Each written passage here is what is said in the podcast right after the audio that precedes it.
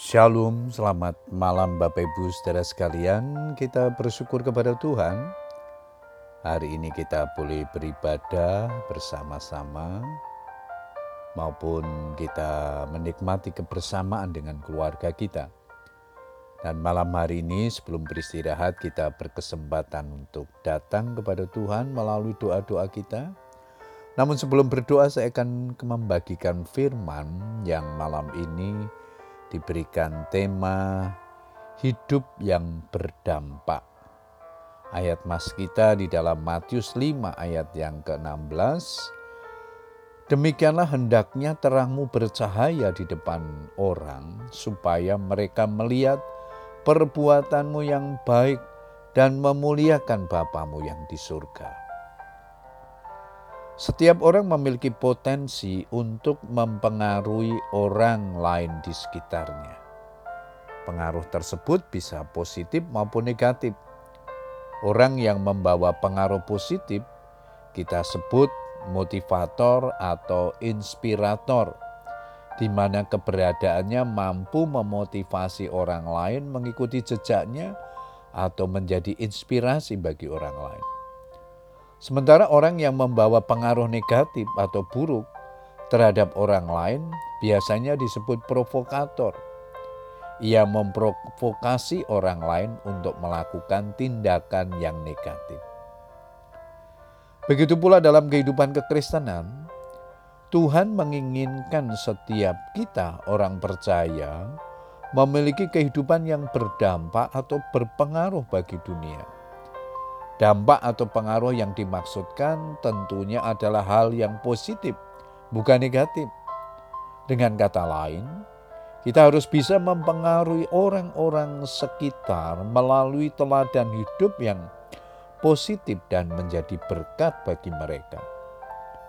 Supaya kita dapat memberi dampak positif bagi orang-orang di sekitar kita, baik lingkungan, kita harus memiliki karakter yang baik apa itu karakter?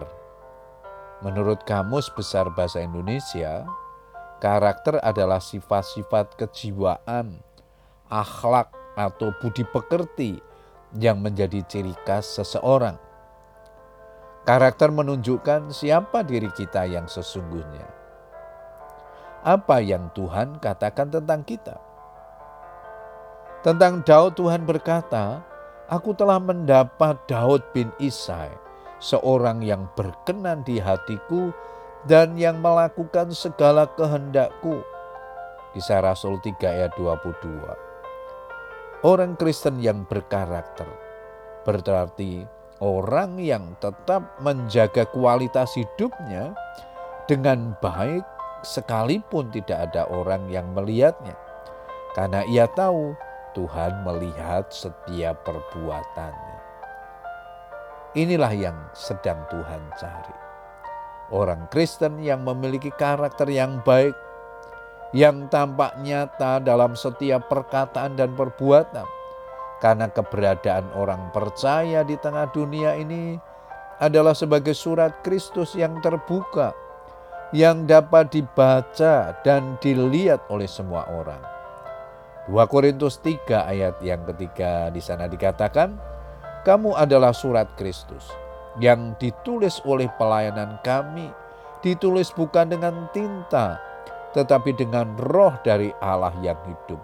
Bukan pada loh-loh batu, melainkan pada loh-loh daging, yaitu di dalam hati manusia. Bapak ibu saudara sekalian yang dikasih Tuhan, firman Tuhan malam hari ini mengingatkan kepada kita supaya kita memiliki hidup yang berdampak bagi orang-orang yang ada di sekitar kita. Karena itu, miliki karakter Kristus, bertumbuhlah dewasa semakin serupa dengan Kristus, sehingga melalui kehidupan kita, orang boleh mengenal dan percaya kepada Tuhan Yesus. Selamat berdoa dengan keluarga kita, tetap semangat berdoa Tuhan Yesus memberkati. Amin.